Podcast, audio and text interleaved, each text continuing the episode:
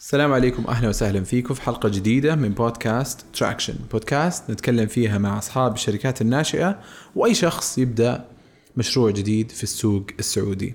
حلقة اليوم نتكلم فيها عن حاجة جدا مهمة للشركات اللي تقدم خدمات لعملاء. كلنا طبعا نقدم خدمات ايا كان ال business أنت قاعد تقدم خدمة لعميل. ولكن في فرق بين المنتجات والخدمات. من ناحية مدى معرفتك أنت في الخدمة المقدمة أو مدى معرفتك في المنتج اللي أنت تقدمه للعميل. لذلك لما يكون في آه، مشكلة عند العميل العميل غالبا ما عنده المعلومات الكافية إنه يفهم تفاصيل المشكلة ويحاول إنه يحلها معك العميل اشترى منك ودفع منك وبالأصح كل ما كان العميل ما يعرف عن خدمتك وما يعرف عن المنتج حقك وكيف هو يشتغل. كل ما كان قادر وبالأصح يسمح لنفسه بسهولة أكثر إنه يدفع. إحنا نروح للطبيب لأن ما ندري شلون الطبيب ممكن يعالجنا في المرض. ولو سألناه ومهما سألناه عندنا اعتقاد إنه مرة صعب علينا نفهم كيف المرض أصلا موجود كيف نحن ممكن نحله إحنا نروح له عشان هو يحلنا مشكلة معينة إحنا قاعدين نعاني منها. نفس الشيء الأجهزة. يعني مثلا أبل قليل تلقى أحد يقول لما يروح الأبل أنا جهازي فيه مشكلة. إيش يسوون أبل؟ يقول تعال عطنا الجهاز وهذا جهاز جديد. ما يدخلون معك. آه هذا ال processor ما أدري وش وهذه الشاشة ما أدري إيش وهذا الشاحن ما أدري إيش. لا هذا الحل وأنت تدفع للحل. وأنت أصلا اشتريت منهم الجهاز عشان تحل مشكلة موجودة بحياتك إنك تبغى جهاز ممتاز تشتغل عليه. لذلك لما يجي العميل لك وعنده مشكلة مع الخدمة حقتك أنت مسؤوليتك إنك يا إنك تحل له بأسرع وقت ممكن وهذا الأفضل.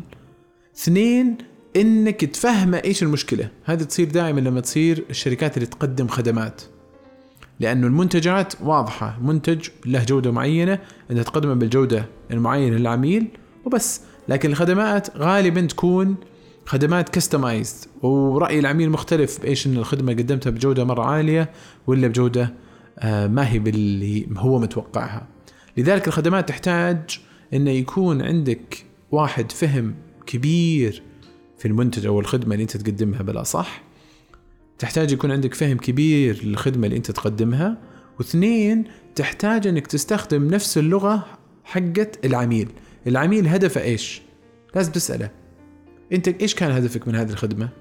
من هذه الخدمة أو من منطلق هذه الخدمة اللي هو طلبها منك أنت تقدر تتكلم معه. تبدأ مع مكان أنتم متفقين عليه بعد ما توصلون للنقطه اللي هو ما فهمها. أو النقطة اللي هو آه، ما عنده وعي مثلا إن خدمتك تحتاج 12 ساعة عشان تخلصها. وهو مقتنع إن هذه الخدمة مثلا المفروض إنها تخلص بساعتين. كثير من العملاء كذا اذا تقديم خدمات يتوقعون شيء ممكن يخلص بوقت سريع وأنت كمقدم الخدمة تقول لا أنا أحتاج وقت أكثر عشان أتأكد إن الخدمة اللي قدمتها لك بأفضل آه، جودة ممكنة. لذلك إذا كان عندك آه، عميل آه، وعنده مشكلة مع خدمة أنت قدمتها له أول شيء أنت المفروض إنك تسويه إنك تسمع له بشكل كامل إيش المشكلة بالضبط. لازم تقعد معاه وتسمع إيش المشكلة بالضبط. إيش الم... النقطة اللي وصل فيها إلى إنه يكلمك ويقول لك أنا عندي مشكلة الخدمة هذه أنت ما قدمتها لي. بالنقطة الكافية لأنه في ناس في شيء اسمه the the silent majority أغلب الناس راح يسكتون ما راح يقولون شيء. يعني خلينا نقول إنت تقدم خدمة ل 100 شخص ممكن 50% منهم إلى 60% ما راح يقولوا لك عجبهم ما عجبهم آه كويس مو كويس. لكن في رأي عام عن المنتج أو الخدمة اللي أنت تقدمها راح يكونوا يعرفون الناس عنك وهذه اللي تبني منها السمعة حقتك. هذول الناس غالبا ما يروحون Google Maps يكتبون review آه، لك. لكن لو واحد سألهم بيقولوا له أوه هذا مكان رحلة خدماتهم رهيبة ولا هذا مكان أبعد عنه ترى ما عندهم سالفة. فتقديم الخدمات ورأي العميل جدا جدا مهم. لذلك أول شيء اسمع للعميل. اسمع له لحد النهاية وتأكد أنه يمثل segment في ال market حقك مرة كبير. هذا واحد. اثنين إذا حددت هذه المشكلة ترجع وتقول okay أنا وين مصدر المشكلة هذه؟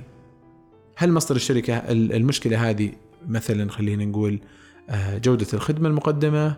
هل مصدرها التواصل ما كان واضح من قبل الشخص اللي كان مسؤول عن حل هذه المشكلة في البداية أو هل هم أصلا قاعد يتكلمون عن مشكلة ثانية ما لها دخل بالخدمة اللي أنت قاعد تقدمها بس إذا ما سمعت العميل وتأكدت وحددت بالضبط المشكلة إيش هي ممكن أنت تبدأ بدال ما تحل المشكلة تبدأ تدافع عن نفسك لأنه العميل جاي لك على إنك أنت الإكسبرت أنت الفاهم.